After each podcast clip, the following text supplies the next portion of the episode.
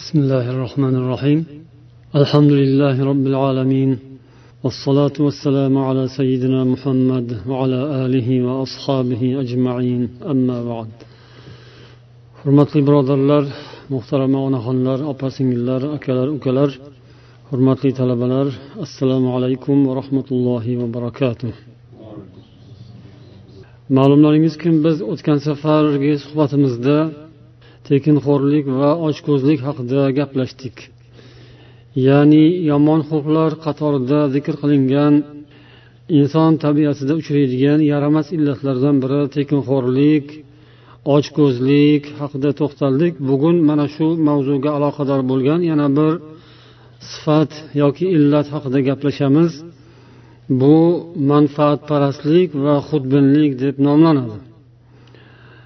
Biz mana naim mavsua tartibi bilan ketyapmiz. Bu suhbatlarimizni shu tartib asosida olib boryapmiz.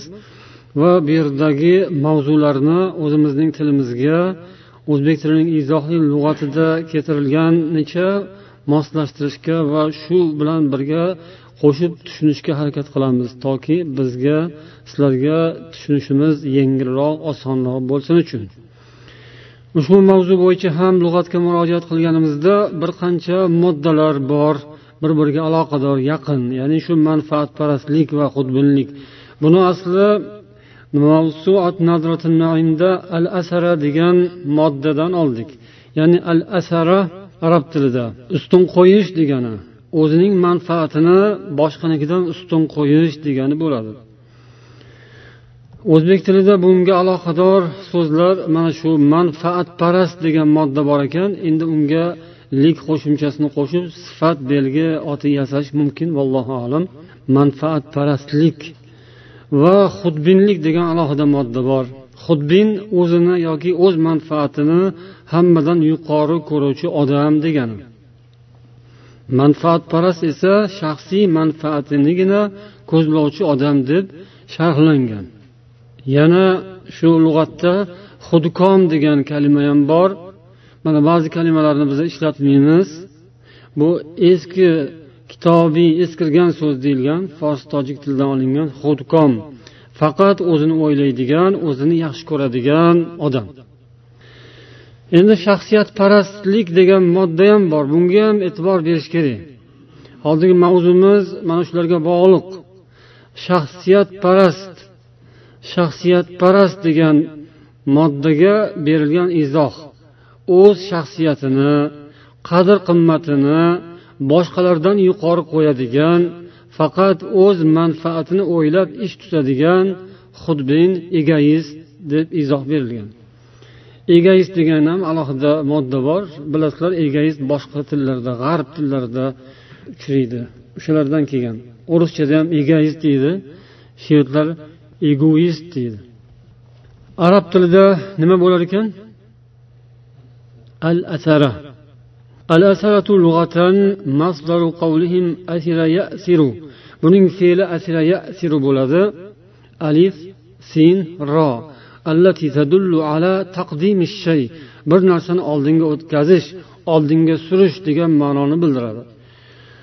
Al asir degani al karim alayka allazi tu'thiruhu bi fadlika va karamika. Asir degani karim degan ma'noda. Keladi arab tilida.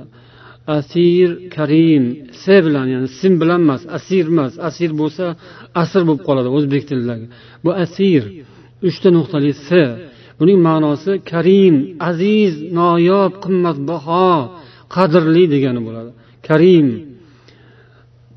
sen o'zing unga marhamating bilan e'tibor berib ustun qo'yib oldinga o'tkazadigan boshqa narsalardan afzal biladigan narsang karim. Hadisda kelgan mendan keyin yaqinda asarani ko'rasizlar deganlar rasululloh sollallohu alayhi vasallam. Asara ya'ni ustun qo'yish o'zinikini ustun qo'yish. Bunga quyiroqda kelamiz inshaalloh.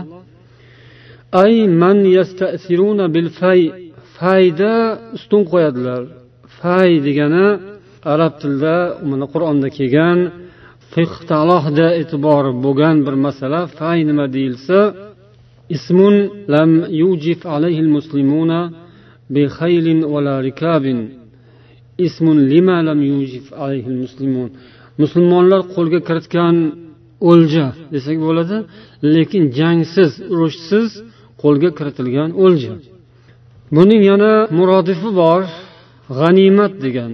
Al g'animatu ismun lil ma'khudi min ahli al harbi ala sabilil qahri val g'alaba g'animat degani ahlul harbdan ya'ni urush holatida bo'lgan toifadan kuch quvvat bilan urush yo'l bilan tortib olingan narsani g'animat deyiladi arab tilida. Uning yonidagi al fay bu esa urushsiz. O'zi kelgan ahli harb tomonidan musulmonlar qo'lga kiritgan narsa jangsiz.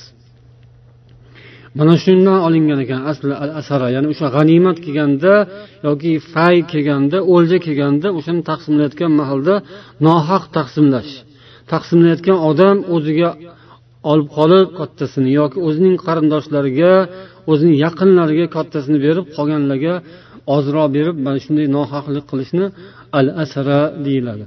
yoki istasara ala g'ayrihi deyiladi al istisaru al infirodu bishay istisor degani bir narsani o'ziniki qilib olish bu lug'aviy ma'nosi edi endi islohiy ma'nosiga kelamiz kafaviy aytadilarki al asaratu hiya taqaddumu val ixtisos asara degani oldinga o'tish va o'ziga xoslab olish o'zini alohida e'tibor qilish قال ابن الأثير أراد بالأثرة في الحديث الشريف ya'ni yuqoridagi hadisni keltirdilar ya'ni mendan keyin shunday asara bo'ladi ya'ni ko'rasizlar odamlar shunaqa taqsimot paytida o'ziga tortadi o'ziga yon bosadi o'zinikiga yon bosadigan davrlar keladi deb rasululloh sollallohu alayhi vasallam oldindan xabar berdilar va aytganlaridek bo'lgan va hozirda ham bu narsa davom etyapti قال ابن حجر أشار بالأثرة إلى أن الأمر يصير في غيرهم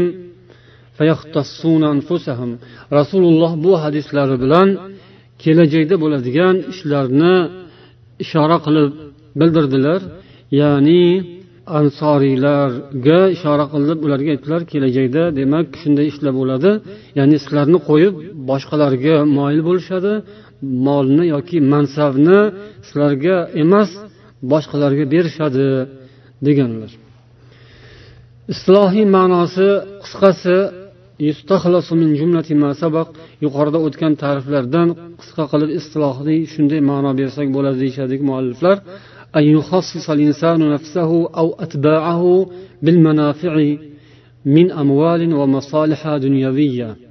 inson o'zining nafsini yoki o'ziga ergashganlar o'ziga tobe bo'lganlarni manfaatlar bilan xoslab olishi mol dunyodan yoki dunyoviy boshqa manfaatlardan bo'lsa nimaiki manfaat bo'lsa shuni o'ziga alohida olish o'zining tobelariga o'ziga yaqin odamlari o'ziga ergashganlarga shu narsani alohida qilib berish.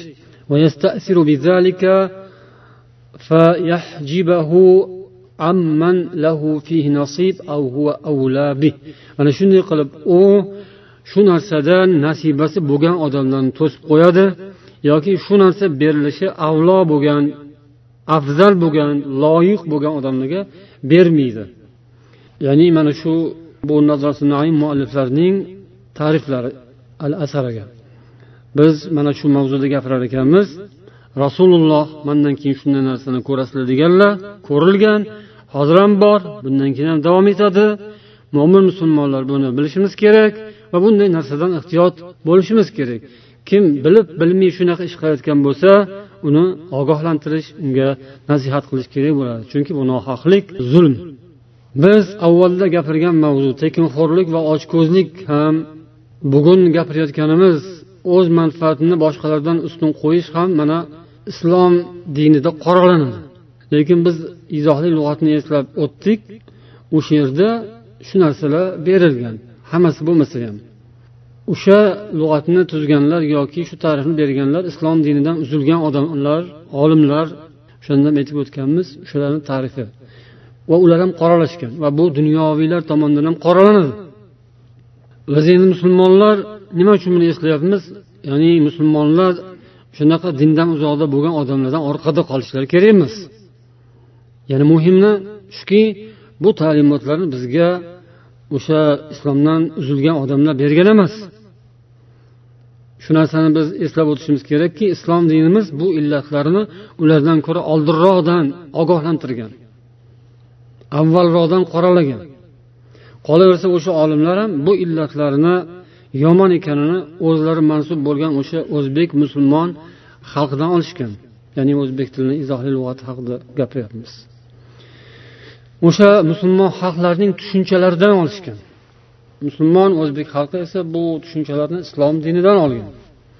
Islomni qabul qilgan va islom bilan shu tushunchalar qabul qilingan xalq mana shu ma'nolarni demak o'sha dunyoviy kitoblar tuzilmasdan avvalroqdan bilgan islom ta'limoti mana shu o'zbekiston va nahr zaminidan butun dunyoga tanilgan ajoyib oliyjanob insonlarni yetishtirib chiqargan. Ulamolar fozilu fuzalolarni ko'plab yetishtirib chiqargan. Islom o'zining shu oliyjanob ta'limoti bilan. Yomon illatlardan odamlarni avvaldan ogohlantirib pokiza holda tarbiyalagan. O'sha islomiy tarbiyaning natijasi nimaiki yaxshilik ko'rayotgan bo'lsak. Endi qarang ana shu lug'atni tuzganlar yoki shu haqida gapiradiganlar yoki tuzdirganlar o'sha paytda sovet imperiyasi. Ular islomga qarshi urushganlari uchun oddiy musulmonlarga nisbatan dushmanlik mavqeini egallaganliklari uchun ular bu dunyoga yoki o'zbek jamiyatiga foyda keltira olmadilar desak bo'ladi. Ular masalan tekinxo'rlikni manfaatparastlikni yomon ko'radiganlarni tarbiya qilib berishmadi balki ulkan ulkan tekinxo'rlarni tarbiyalashdi. Poraxo'rlarni tayyorlab yetkazib chiqarishdi dunyoga va o'zbek jamiyatiga. Tarixda qoladigan iymonsiz zolimlarni tarbiyalab chiqarishdi desak bo'ladi. Oddiy xalqni tirikchilik uchun chet mamlakatlarda sarson qilish evaziga jamiyat ichida o'z manfaatidan boshqani o'ylamaydigan shaxslarni mustahkamlab ko'paytirib mansablarga o'tkazib qo'yishdi. Shafqatsiz amaldorlarni mana davlat tepasiga olib chiqishdi. Halollik va iymon bilan hayot kechirishni istagan musulmonlarni qirg'in qilishdi quvg'in qilishdi o'ldirishdi yoki davom etishyapti shu ishda. Mana so'nggi so'rovlarga tekshirishlarga ko'ra o'zbekistonda ana shunday islom va iymondan ajratib olib yoki musulmonlikdan islomdan qo'rqitib tarbiya qilinayotgan yoshlarni fikri o'rganilgan. Ya'ni ota onalar masjidga bormay qo'ya qol namoz o'qimay qo'ya qol namoz o'qisang terrorist bo'lasan qamalasan deb ancha muncha musulmonlarni iymondan islomdan majburlab ota onalar yoki maktabda o'qituvchilar majburan mahrum qilishyapti. Endi o'shanday tarbiya qilinayotgan yoshlarni o'rganilganda hozirgi kunda ularni qiziqishi nimaga? Qaysi o'quv yurtlariga masalan? Ya'ni maktabni bitirgandan keyin hamma yoshlar deyarli bir gurr etib o'zini institut eshiklariga uradi. Institut ostonalariga bir tiqilib olishadi. Keyingi to'lqinga o'xshab bir keladi keyin orqasiga qaytib ketadi bozorlarga boshqa joylarga ketadi qaytib. Boshqa ishlarga.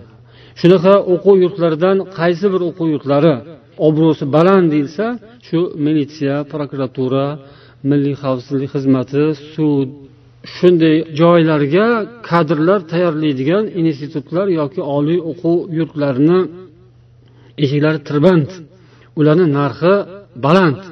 Ularni obro'si oshyapti hozir. Masalan o'qituvchilikka tayyorlaydigan institutlar yoki ilm fan bilan shug'ullanadigan boshqa institutlarni obro'si yo'q bugungi kunda. Tushib ketgan. Yoshlardan so'ralsa deyishadi kelajakda militsiya bo'lishni prokuror bo'lishni sudya bo'lishni yoki snbga kirib ishlashni orzu qiladiganlar ko'payib bormoqda deyishadi. Nima uchun? Chunki o'shalarning bugungi kunda ishi besh ularni ochiq olchi ular yaxshi topyapti. Ularda pul ko'p. Chunki o'sha yerda poraxo'rlik o'sha yerda tekinxo'rlik o'sha yerda talon taroj o'sha yerda bosqinchilik o'sha yerda ochko'zlik. Jamiyat yoshlar ma'lum bir qismi endi.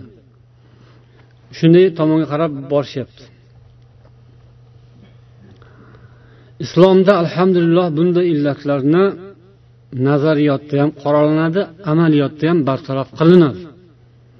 Islom qog'ozda ham hayotda ham alhamdulillah allohning so'zini amalga oshiriladi islomda. Qur'oni karim bu yomon sifatlar qarshisida oliyjanob sifatlarni targ'ib etadi va o'shanday insonlarni alhamdulillah hayotda tirigini ko'rsatadi. Shunday fazilatlar sahoblarini biz tirik misollarini hayotda allohning qudrati mo'jizasi bilan yuritib qo'yganini ko'ramiz. Tarixda o'qiganmiz. Alhamdulillah qur'onda qadimiy xalqlarning qissalari keladi. O'sha yerda qanday yaxshi insonlar bo'lgan yoki yomon odamlarning oqibatlari va hokazo bor lekin insonning ehtiyoji shuni o'qiganini eshitganini tarixda o'qiganini afsonadek ertakdek xayolida bir eslab eslab qo'yish emas balki hayotda ham ko'rishga yoshlar ayniqsa muhtoj bo'ladi. Ustozlar misolida yaxshi ota onalar misolida ilm ahli misolida oliyjanob oddiy musulmonlar g'ayratli shijoatli insonlar misolida alloh taolo ko'rsatadi. Mana shu biz bugun manfaatparastlik sifati illati ya'ni haqida gapirar ekanmiz. Buning ziddidagi bir yaxshi xislati ham bor bu haqda biz avvalda gapirganmiz. Buni hali biz e'lon qilmadik lekin qani eslaysizlarmi?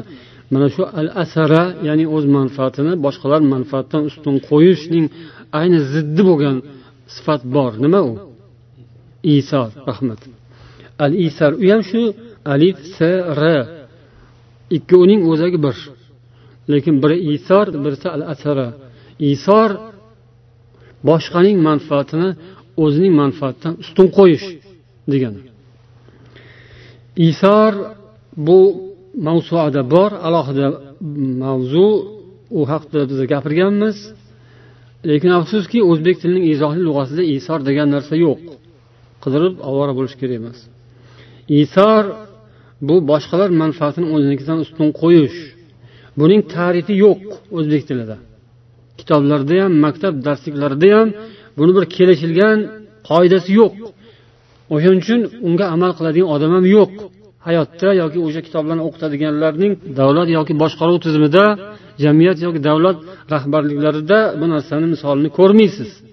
Lekin mana uni tekinxo'rlikni ko'rasiz va o'z manfaatini ustun qo'yishni istagancha topishingiz mumkin. Bu hazrati naim mualliflari ushbu mavzuda davom etib asarul asarati alal fardi val mujtama degan sarlavha ostida yozishadi. Ya'ni mana shu o'z manfaatini ustun qo'yishning shaxsga va jamiyatga ta'siri. Yoki aytish mumkinki shularga yetkazadigan zararlari bu illat shaxsga ham har bir odamni o'ziga va jamiyatga ulkan zararlar yetkazadi.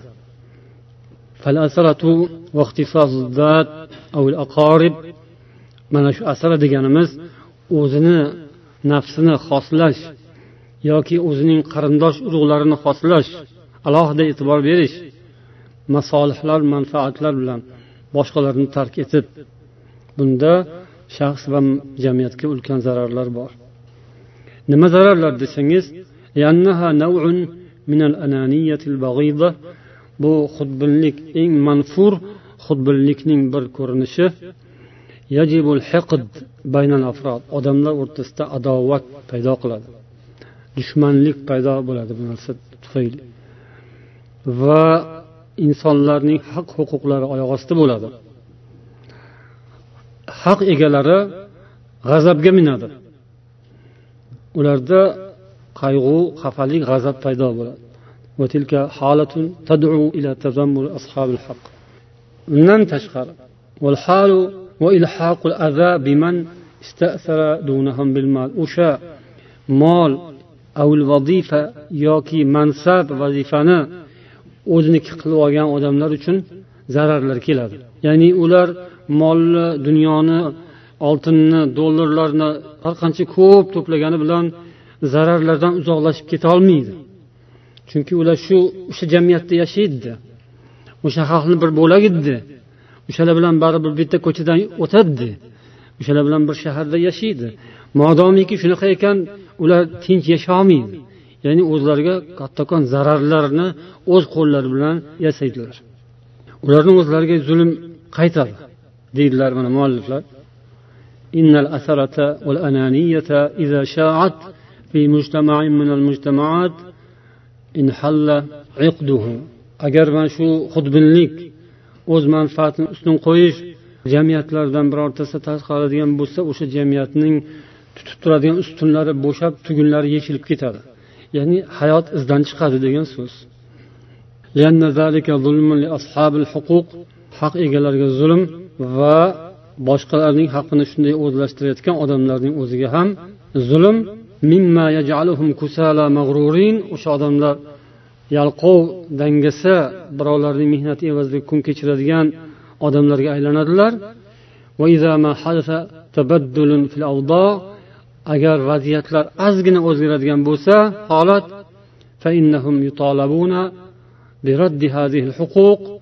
ular albatta shu o'margan narsalari yoki oyoq osti qilgan haqlarini qaytarish davosi ostida qoladilar.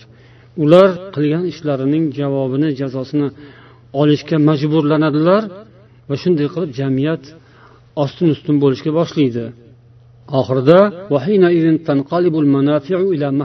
o'sha manfaatlar ya'ni odamlar o'ziniki qilib olgan manfaatlar maholikka aylanadi ya'ni halokatga aylanadi. Oxiri yomon narsa halokat. Endi uni ta'riflashga hojat yo'q. Hammanglar uni misollarini ko'rib turibsizlar. O'sha hali aytganimizdek qadimda eshitganlarimiz bugun ko'rinyapti ham. Alloh taolo vaqti vaqti bilan ko'rsatib qo'yadi. Qadimda mana qur'onda hali yuqorida aytganimizdek yoki qissalarda payg'ambarlarning qissalarida kelgan zolimlar qanday azoblandi qanday halok bo'ldi va solih insonlar payg'ambarlar yaxshi odamlar qanday najotga va muvaffaqiyatga g'alabaga erishdilar o'shalardan ozgina ozgina alomatlarini alloh bizning hayotimizdan ko'rsatib qo'yadi ko'rsatib qo'yyapti. Ular mana zindonlar qa'riga tashlanadilar. Oxirat azobi esa bundan ko'ra qattiqroq va uzoqroqdir. Manfaatparastlik shaxsiyatparastlik demak bu musulmonlarga emas ekan. Kofirlarga zolimlarga munofiqlarga va musulmonlar ichidagi fosiqlarga. Fosiq fojir nafsining ketiga kirib ketgan odamlar uchun bu manfaatparastlik tekinxo'rlik va oqibati ham o'shalarga. Mana hozir dunyoda bo'layotgan musulmon dunyosida bo'layotgan ag'dar to'ntarlar nimadan shu? O'sha manfaatparastlikdanda xudbinlikdanda o'sha tepaga chiqib olgan uch to'rtta sanoqli odamlar faqat o'zining manfaatini o'ylab yashagan ishlagan oqibatini ko'ryapti mana hozir. Haq musulmon bo'lsa o'z nafsini ustun qo'yish kerak emas bu ish musulmonga yarashmaydi mumkin emas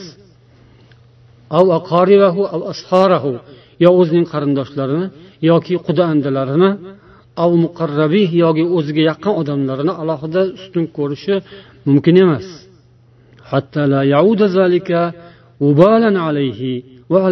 toki bu qilgan ishi o'ziga va o'sha hali yaxshilik qilganlarga uvolib urmasin. O'shalarga yomonlik qilgan bo'lmasin.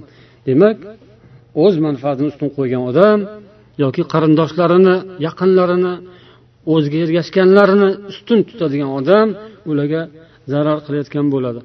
Ularga yomonlik qilayotgan bo'ladi. Ularni halokatga baloga olib ketayotgan bo'ladi. Aytishdiyu o'sha misrni ham tunisni ham prezidentlarni rasvo qilgan xotinlari bo'ldi deb. Misr prezidentining xotini so'zani shular nomi chiqyapti. Ya'ni mana shularni ochko'zligida o'sha tillayu javohirlarga boyliklarga pullarga to'ymaydigan o'sha ba'zi bir toifa xotin xalqi bo'ladida. Hammasi emas. Endi erkaklar undan battar bo'ladi. O'shalar mana shu ahvolga olib keladi. Shu halokatga boshqa. Musulmon odamga bu narsa kerak emas. Bu narsa loyiq emas. Musulmon odamga buning ziddi kerak buning ziddi ya'ni isor isor bilan bezanish ziynatlanish kerak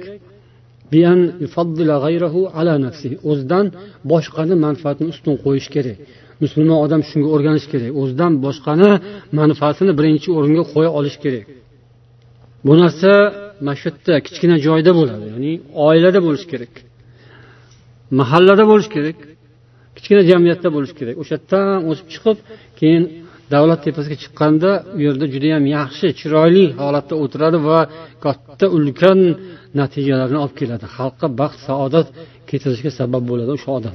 O'rgangan bo'lsa lekin u yoshligidan boshlab cho'ntakkesar o'g'ri muttaham badnafs bo'lgan bo'lsa o'zinikini yeb birovnikiga ko'zini tikib turgan bo'lsa katta bo'lgandan keyin ahvol judayam yomon bo'ladi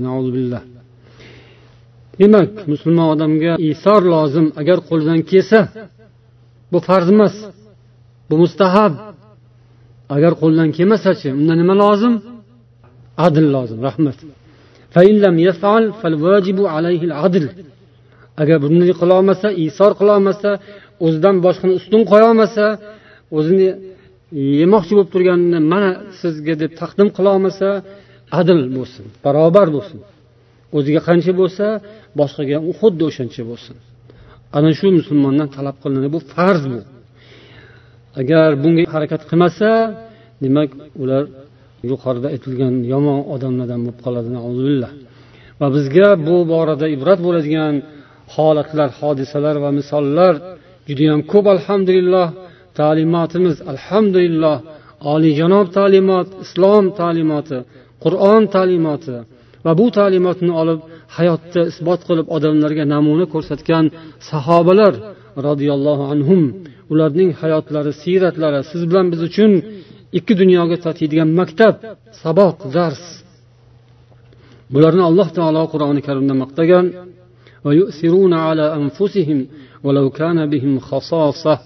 ومن يوق شح نفسه فأولئك هم المفلحون ular o'zlari muhtoj bo'lib turgan bo'lsalar ham boshqalarni o'z nafslaridan ustun ko'radilar. Kimki nafsining baxilligidan qutula olgan bo'lsa bas ana o'shalar najotga erishuvchilardir deydi alloh taolo. Qaysi surada? Hashr surasida. Rahmat o'zlariga zarur bo'lib turgan o'rinda ham boshqalarni ustun ko'ra bilgan zotlar kimlar edilar? Sahobalar. Alloh o'shalarni maqtayapti. Va ularning sifatlari ya'ni shunday xislatga ega bo'lishning sirri nafsining baxilligidan qutula olishi kerak odam. Har bir odamda nafs bor va nafs bu baxil. Nafs hasis o'sha baxillik o'sha hasislik hamma baloning boshi. O'sha tepada o'tirib mamlakatni qonga botirayotganlarning nafsida baxillik bor. Ularda saxovat yo'q. Bu baxtsizlik bu badbaxtlik. Mana shu baxillik bu haqda alohida gapiramiz inshaalloh. Shu baxilligi o'zini boshiga ham balo xalqqa ham balo. Odamda demak ozgina saxovat bo'lishi kerak. Bo'lmasa hech bo'lmaganda insof bo'lishi kerak. Insof yarim yarim ya'ni adil insof o'sha. Endi mualliflar yana bir ajoyib tavsiyani berishgan. Ya'ni manfaatparastlik qurbonlariga tavsiya desak bo'ladi. Manfaatparastlik qurboni bo'lgan odamlar bugun judayam ko'p. Yer yuzini ancha muncha aholisi olti milliard aholidan besh milliarddan ham yuqoriroq olti yetib qoladi desak bo'ladi ya'ni manfaatparastlik qurbonlari. Qurbon degan so'z ham judayam to'g'ri bo'lmasligi mumkin lekin ko'chma ma'noda. Qurbon degan so'zni uch xil to'rt xil ma'nosini bergan lug'atda qurbon o'zi bir narsani halok qilish ya'ni qurbon berish degani bir maqsad yo'lida halokatga yuz tutish halok bo'lish bu qurbon bo'lish. Allohga qurbonlik keltirish ham bir narsani jonliq so'yish. Lekin buni ko'chma ma'nosi jabr tortish degani ekan. Talofot ko'rish jiddiy zarar ko'rish. Ozligina sog'lig'iga tinchligiga va hokazo aziyat yetishi bu ham qurbon. Bugungi kunda mana shunday ochko'z tekinxo'r mansabparast shuhratparast manfaatparast shaxsiyatparast xudbin odamlarning soni juda ko'p emas o'zi ya'ni asosiylari sanab chiqsa bo'ladi. Buni ro'yxatlarni ham chiqarib turishadi ba'zi ba'zida. Lekin uning qurbonlari ko'p. Dunyo bo'ylab mana shu manfaatparast qurbonlar to'lib toshib yotibdi. Ya'ni bir toifa bir hovuch odamning boy va yaxshi yashashi uchun milliard milliard odam azob uqubatda ya'ni mehnat mashaqqat qiynoq azob va hokazo. Bularga nima tavsiya? Bularga tavsiya an yasbira sabr. Musulmonlar uni to'g'ri tushunishi kerak. Tushunchasi chala chulpa past ham odamlar ular mayli keyin tushunib olar. Ular darhol shikoyat qilishga boshlaydi. Yana sabrmi deb. Ha sabr qilmasang san bir chorasini ko'rib ko'r qilib ko'rchi qani qo'lingdan nima kelyapti? Sabr qilmasdan. O'zingni o'tga cho'qqa urarsan boshqa qilarsan lekin hamma ishda kurashda ham sabr kerak. Bu bizning islom targ'ib qiladigan sabr bu yerda berilayotgan sabr bu kurash bu jihod bu haq uchun harakat. O'sha ichidagi sabr hamma narsani topshirib hammasiga rozi bo'lib mayli deb xor bo'lib zor bo'lib sabr uni sabr demaydi. U mag'lubiyat bo'ladi. U xorlik bo'ladi.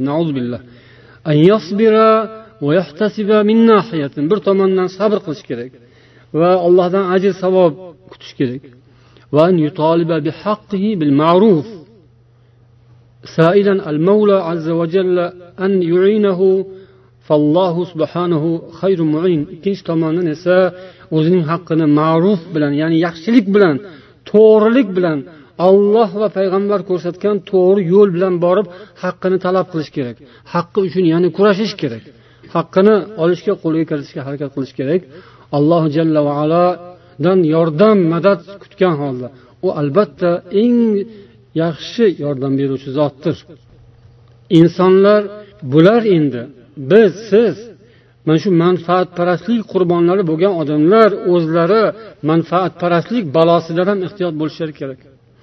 O'zlari ham o'shanday ish qilib turishgan bo'lsa unda katta farqlar bo'lmaydi. U katta manfaatparastlik zolim bo'lsa bu yoqdagilar undan zada yegan zahar yegan undan aziyat chekkan lekin o'zlari ham shunaqalarni bitta kichkinaroq modeli bir kichkinaroq nusxasi bo'lib qolishlari kerak emas. Chunki ish bularga kelganda bular ham uni qilgan ishini takrorlashadi hali. Undan ham battarroq yomonrog'ini qilishi mumkin. Ba'zi bir zulm ko'rgan tushunchasi yomon odamlar shunaqa bo'lar ekanki o'zi zolimdan zulm ko'rib kaltayib boshqa bo'lib keyin bir uning ko'chasiga quyosh chiqqan mahalda unikida bayram bo'lgan mahalda u undan battar qilib yuboradi. Ya'ni o'sha ko'rganlari alamini olish uchun o'shanga o'rganib uning tabiati tasavvuri shunaqa bir buzilib ketishi kerak emas. Ya'ni zulm ostidagi odamlar ularni iymonlari e'tiqodlari va axloqlari bilan mustahkam to'g'ri yo'lda davom etib borishlari kerak. Va buning uchun ular o'zaro bir birlarini oralarida manfaatparastlik illatlarini yo'l qo'yishlari kerak emas. Agar kimki o'z manfaatini o'ylasa ana u bizdan ham ko'ra manfaatlari oyoq osti bo'lgan haq huquqlari oyoq osti bo'lgan odamlar bor. Ularni eslash kerak. Ularni yoddan chiqarmaslik kerak. Kimki agar o'shanday zulm bilan qochib u yoqqa bu yoqqa ketib ozgina tinchlikka xotirjamlikka erishib o'zi bilan o'zi ovora bo'lib yashayotgan bo'lsa u yoqda qolgan qardoshlari qamoqdagi dindoshlari birodarlarini eslamayotgan bo'lsa bu ham manfaatparastlik bu ham ochko'zlik bu ham xudbinlik bu ham shaxsiyatparastlik. O'sha o'z shaxsini o'z tinchligini o'z nafsini o'ylagani uchun yoqdagi mazlumlarni qamoqdagilarni o'ylamaydi. Ularni qanday qilib ozod qilsa bo'larkin nima yo'llari bor ekan qandoq qilsa yordam bersa yordam yetib borarkin deb o'ylamaslik har kuni o'ylamaslik duo qilmaslik o'shaning uchun bir o'zini ozgina tashvishini g'amini o'sha yoqqa yo'naltirmaslik o'sha haqida bosh qotirmaslik bo'shaganda uxlab yoki o'zini bir rohatini o'ylab nafsini xursand qilib o'zini o'zi erkalab yurish bu nima bu? Manfaatparastlik bo'lmasdan. Hech bo'lmaganda manfaatparast shaxsiyatlar badnafs odam o'sha odam. Ortiqcha tashvishni xohlamaydi jonini koyitishni istamaydi. Uyqu yaxshi unga dam olish yaxshi unga. Sal ko'proq ishlab yuborsa jahl chiqadi. Astag'firulloh bu nima? Bu ham shu manfaatparastlikdan birodarlar. Shuning uchun biz ham qutulishimiz kerak bunaqa illatdan. Yoki u yoqda bo'lsa o'sha mazlum va mahbuslarni esga olmasdan ularga yordam berishni o'rniga o'zini jonini o'ylab man tinchmanku deydiganlar ham ko'p. Ularni ancha muncha zolimlarni yoniga yoki pinjiga kirib ketadi. Nima uchun?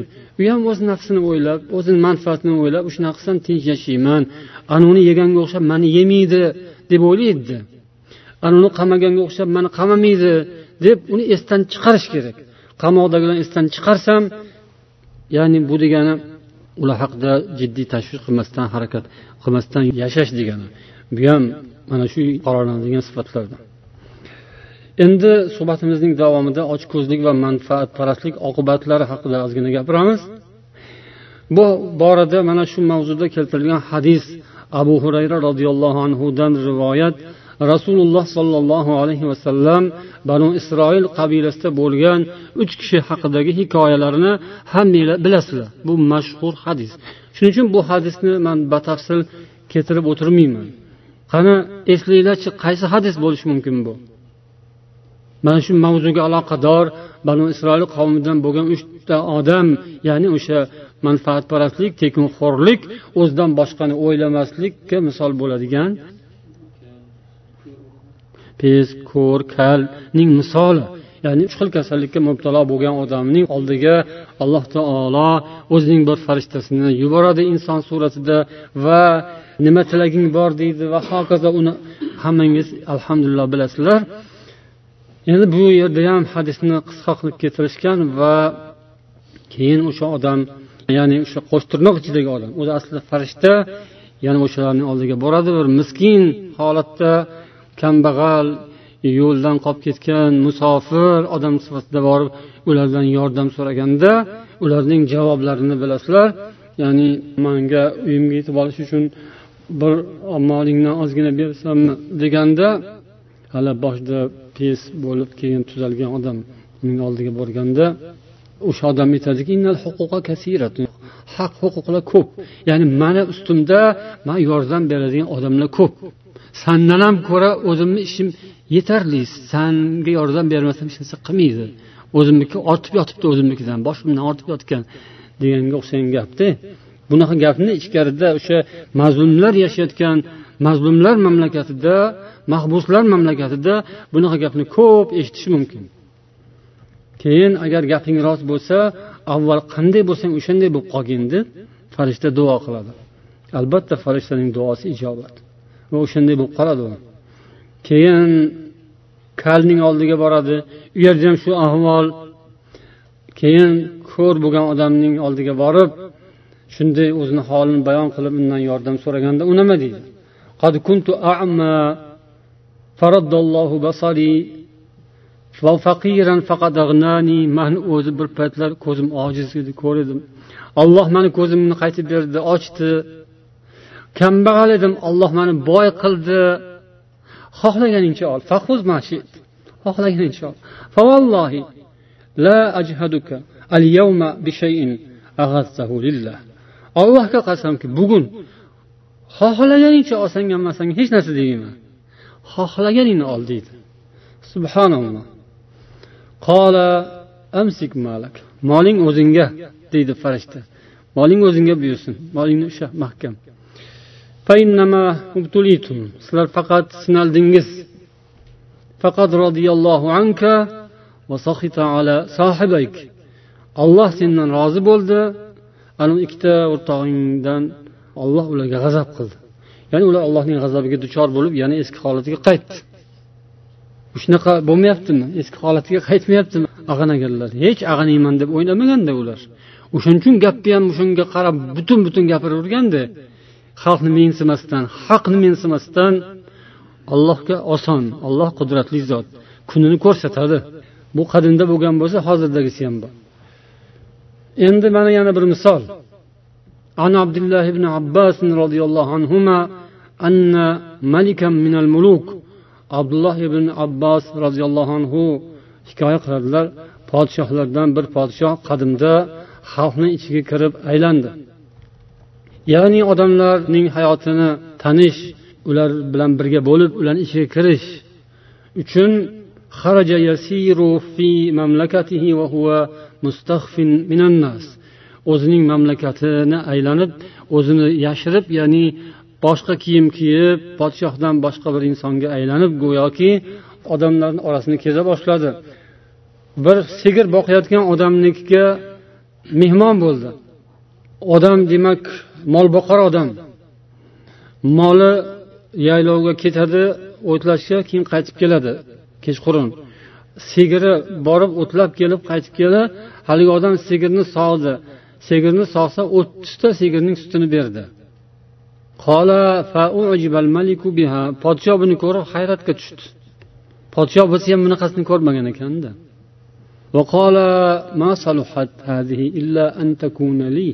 Bundoq mol faqat manda bo'lishi kerak. Ya'ni bu podshoga loyiq bu mol. Podshoni moli ekan bu bu kambag'alda nima qiladi? Bunaqa mol. Dedi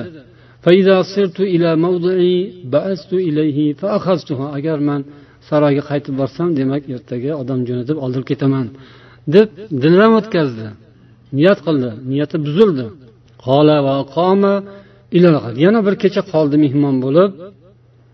ertasiga sigir yaylovga ketdi keyin qaytib keldi haligi mol boqar sigirni sog'di sog'sa o'n besh sigirning sutini berdi ya'ni yarimga kamayib ketibdi sut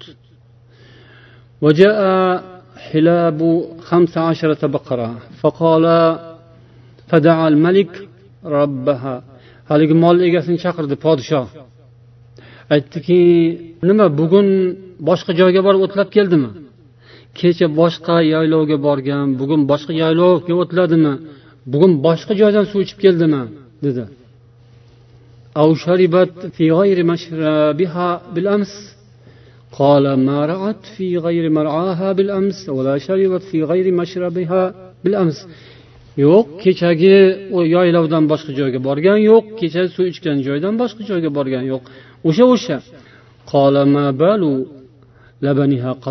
unday bo'lsa nimaga buni suti kamayib ketdi deb so'radi podshoh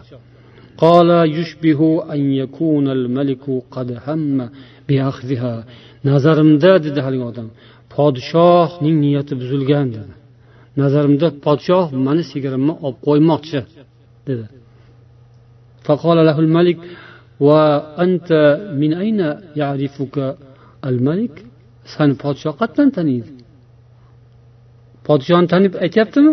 Molboqar podshoni tanimasdan aytyapti. Shuning uchun podshoh chunki o'zini notanish holga solib olganku boshqacha holatga tushib. Sani podshoh qayerdan taniydi dedi. Man nima deyayotgan bo'lsam to'g'ri aytyapman dedi. Haligi mol boqar mani gapim to'g'ri chiqadi dedi. Ya'ni man bilib gapiryapman dedi.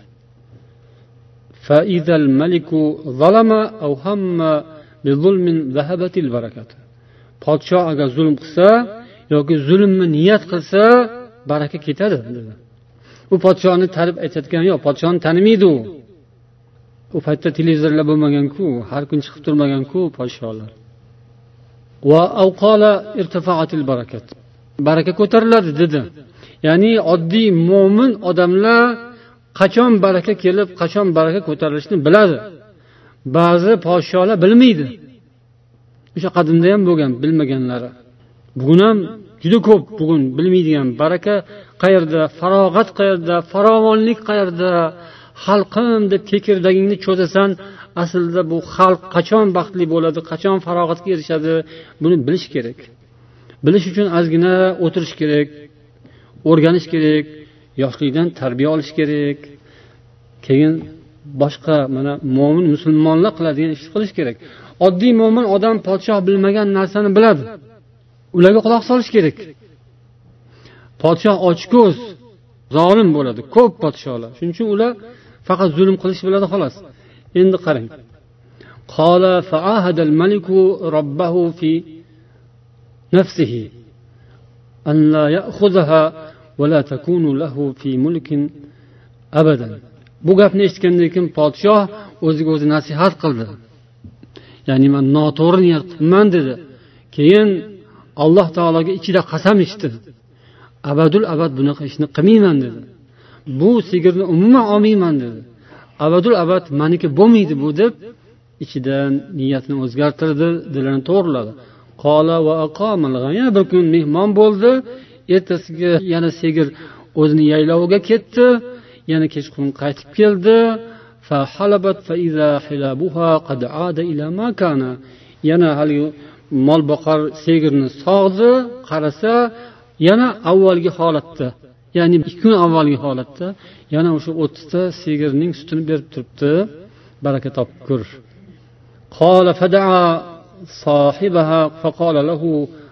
so'radi haligi mol boqardan bugun boshqa yaylovga bordimi bugun boshqa joydan suv ichdimi yo'q dedi haligi odam. Unda nima uchun yana sut o'zini o'rniga kelib qoldi? dedi.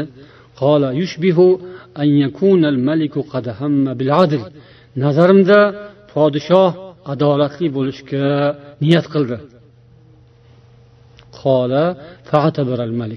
Podshoh o'ziga nasihat oldi. Shundan u gapirayotgani yo'q ya'ni man o'sha podshohman deb uni qo'rqitmadi. Indamadi va ichidan dilidan o'tkazib o'ziga nasihat oldi.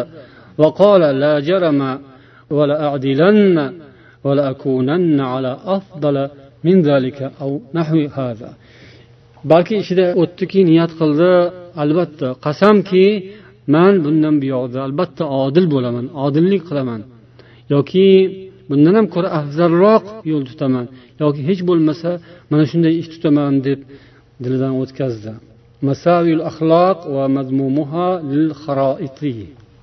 Birodarlar mana biz alhamdulillah mo'min musulmonmiz. O'sha ko'p joydagi zolim podshohlar yoki hukmdorlar hokimlar vazirlar yoki generallar yoki qamoqxona xo'jayinlari ular ham o'zlarini musulmon deydilar ancha munchalar. Lekin u musulmonlik bilan bu musulmonlik o'rtasida farq bor alhamdulillah. Biz alhamdulillah podshohlardan ko'ra boy milliarderlardan ko'ra baxtliroqmiz va boyroqmiz. Ishonaveringlar o'ylab ko'ringlar. Ya'ni bizning alhamdulillah tan jonimiz sog' alhamdulillah qalbimiz boy ko'zimiz to'q bo'lsa biz eng katta boy bo'lganimiz mana shu bo'ladi. Inshaalloh agar biz shuni qadriga yetsak biz shuni tushunsak keyin qadriga yetamiz. Biz boy biz baxtli odam bo'lamiz. Shu boylikni yaxshilikka sarf qilishimiz kerak. Ya'ni agar sanasa hisob kitob qilsa ularnikidan ozroq chiqishi mumkin bizniki sizlarniki. Hammasini qo'shganda ham yetmasligi mumkin ularnikini bittasinikiga ham. Lekin mana shu ozi bilan ko'pgina ish qilish mumkin. Ozi bilan ko'pgina zikr shukur ibodat qilish mumkin.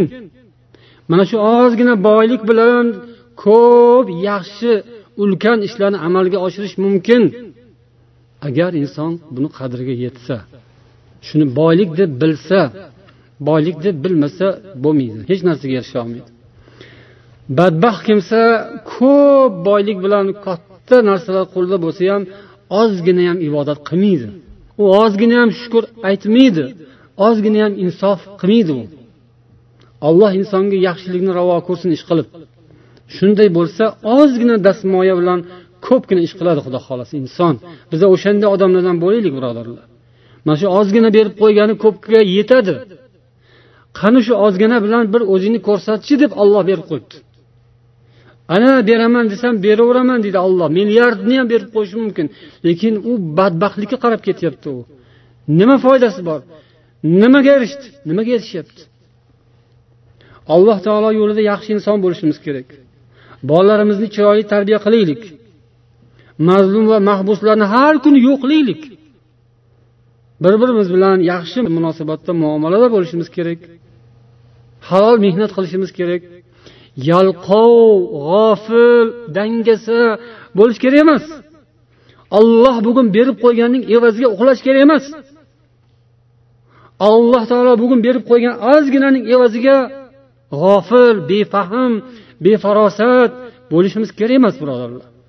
Ogoh bo'lishimiz kerak uyg'oq bo'lishimiz kerak. Qiladigan ishlarimizni qilishimiz kerak. Olloh bu bergan imkoniyatlar hammasi g'animat birodarlar. Mana shu imkoniyatdan foyda chiqarishimiz kerak. Shu ozginasidan ko'pgina foyda chiqadi. Olloh chiqaradigan. Siz bilan biz emas olloh mo'jizakor zot mana shunda biz olloh bergan boylikni qadriga yetgan uni haqqini ado qilgan bo'lamiz shukrini ado qilgan bo'lamiz. Endi yana bir nuqta. Bu dunyodagi azob oxiratdagi azobga dalolat. Bugungi mazlum xalqlarni holati rohatmi yoki azobmi? Azob. Oddiy mo'min musulmonlarning azobi oxiratdagi azobning kafforati. Payg'ambarimiz sollallohu alayhi vasallam shunaqa deganlar. Oxiratda azob yo'q bu ummatga. Uning azobi bu dunyoda. Lekin rahbarlar uchunchi zolimlar uchunchi bu dunyoda ularni ko'rayotgan rohatmi azobmi? Azobligini hozir ular ham tushunib qoldi biz ham tushunyapmiz. Ya'ni ma'naviy va ruhiy azobda ular. Hal uchun emas o'zini ertasini o'ylab ular azob chekishyapti. Mana shu azob bundan ham qattiqroq azob borligiga alomat. Shuni anglash kerak. Ular shunaqa azob keladi deb o'ylashmaganda kelib qoldi. Endi bundan keyin musulmonlar aytayotgan azob ham kelib qoladi. Ya'ni musulmonlar nima deydi? O'lim bor o'limdan keyin zolimlarga azob bor. Qabr azobi bor. Bu haq. Qiyomat azobi bor. Bu haq. Bu kelib qoladi yaqinda.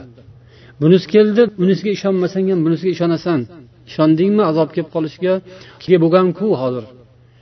Markaziy osiyodagilarni ham diliga g'ulg'ula tushib butun dunyodagi hammasi tashvish o'sha azob emasmi shu?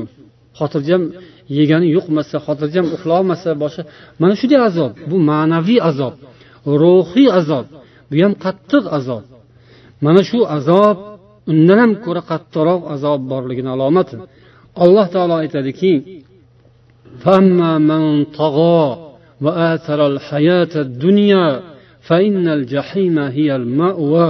kimki tug'yonga ketsa haddan oshsa dunyo hayotini oxiratdan ustun qo'ysa bas albatta jahannam uning boradigan joyidir. Shu bugungi kunda xalq norozimi? Mazlumlar yig'layaptimi? Musulmonlar qamoqdami? Azob chekyaptimi? Mana shuning o'zi demak tug'yon shu ishni qilayotgan odamlarning jinoyati ko'rinib turibdi isbot qilib turibdi. Bular oxiratdan ko'ra dunyoni ustun bilganlardan shunday qilyaptilar. Va olloh mana ularga va'da qilyapti. Yoki yana olloh aytadi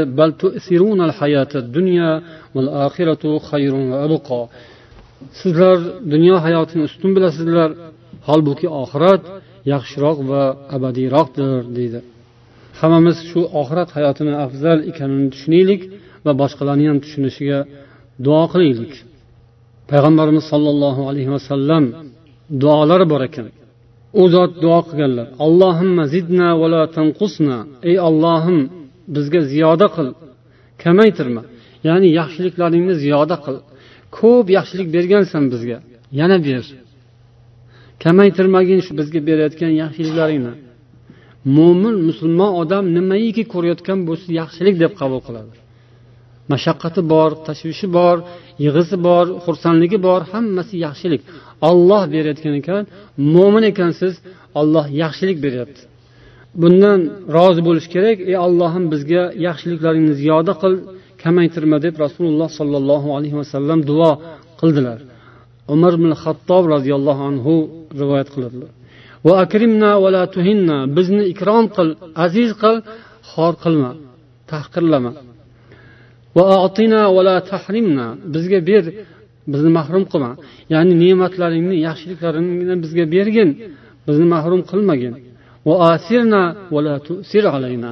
Bizni ustun qo'y bizdan boshqani ustun qo'yma.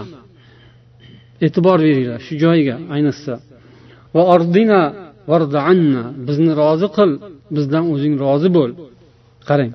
Zolimlar yoki hukumatlar yoki o'zining jonini o'ylab rohatini o'ylab o'sha zolimlarni pinjiga kirib hayot kechirayotganlar ularni zulmiga sherik bo'layotganlar mo'minlarni mazlumlarni sizni bizni tahqirlamoqchi bo'ladilar. Lekin olloh tahqirlamasin. Olloh ikrom qilsin. Biz ollohdan so'raylik ey ollohim bizni o'zing ikrom qil bizni aziz qil. U zolimlarning izzat ikromi kerak emas bizga. Ollohdan qolmaylik. Yana bizni sen ustun qo'y. Bizdan boshqani ustun qilma. Bizni ustun qil. Ya'ni mansabda pulda moli dunyoda emas birodarlar. Tushunyapsizlar. Bizni iymonda taqvoda e'tiqodda yaxshi xulqda ibodatda mehnatda harakatda ustun qil. Biza shu narsalardan ustun bo'laylik. Boshqalardan. Alloh huzurida biz ustun bo'lgan bo'lamiz. Mana shu ustunlikni biz allohdan so'rashimiz kerak. Bizni rozi qilgin va bizdan o'zing ham rozi bo'lgin deb payg'ambar sollallohu alayhi vasallam duo qilgan ekanlar. Bu hadis imom termiziy va hokim rivoyat qilishgan. Endi so'zimizning oxirida oxir zamondan ogohlik degan bir nuqta an حذيفة بن اليمان إن بين يديها فتنة وهرجا ya'ni rasululloh sollallohu alayhi vasallam aytgan ekanlar ya'ni qiyomat oldidan fitnalar bo'ladi va harj bo'ladi harj nima deb so'rashganda bu habashaning tilida al qatl qatl degani ekan odamlar o'rtasida tanakur ya'ni bir birini tanimaslik yoyiladi odam bir birini tanimaydigan darajaga boradi shunaqa oxirat yaqinlashganda shunday bo'lar ekan المحدث الألباني المصدر السلسلة الصحيحة buning sharhida ulamolar aytishadiki attanakur baynannasi fi oxir zamon oxir zamonda bo'ladi odamlar bir birini tanimaydigan holatga boradi payg'ambar sollallohu alayhi vasallam ishora qildilar mana shu hadisdaki bu fitnalar va mehnat mashaqqat azobi uqubatlar ko'payganda shunaqa bo'ladi. Ya'ni hamma o'zi bilan o'zi ovora bo'lib birov bilan ish bo'lmay qoladigan shunaqa fitna yomon fitnalar bo'ladi. Odamlar o'rtasida urushlar qirg'inlar ko'payib ketganidan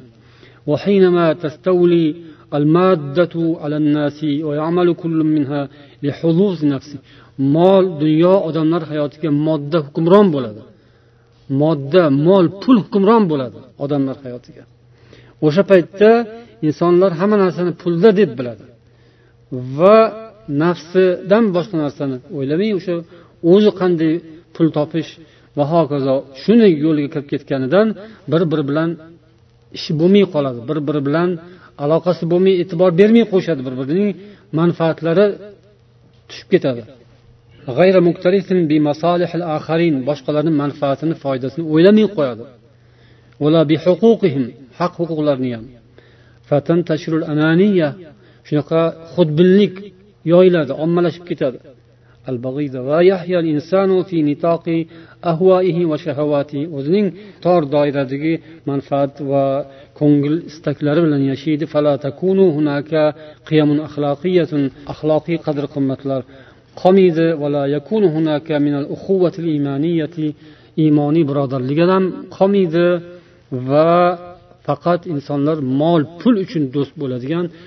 munosabatlar shuni ustiga quriladigan paytlar keladi deb rasululloh sollallohu alayhi vasallam ogohlantirganlar. Bu mavzu yuqorida aytilgan o'sha tekinxo'rlik ochko'zlik manfaatparastlik shaxsiyatparastlik o'z manfaatini ustun qo'yish mana shunga olib boradi ya'ni. Shundan biza panoh so'rab ehtiyot bo'lishimiz kerak va o'zimizdan shunday illatlarni daf qilib bir birimizning holimizdan xabar olgan o'sha mazlumlar qiynalganlarning holidan ko'proq xabar olgan ularga yordam berish yo'llarini qidirgan va xuddi shu ruhni bolalarimiz farzandlarimizga singdiradigan bo'lishimiz kerak. Toki ular ham mana shunday iymon islom bilan katta bo'lishsin. Va mavzu nihoyasida galgidek mualliflar uning qisqa xulosasini berishadi.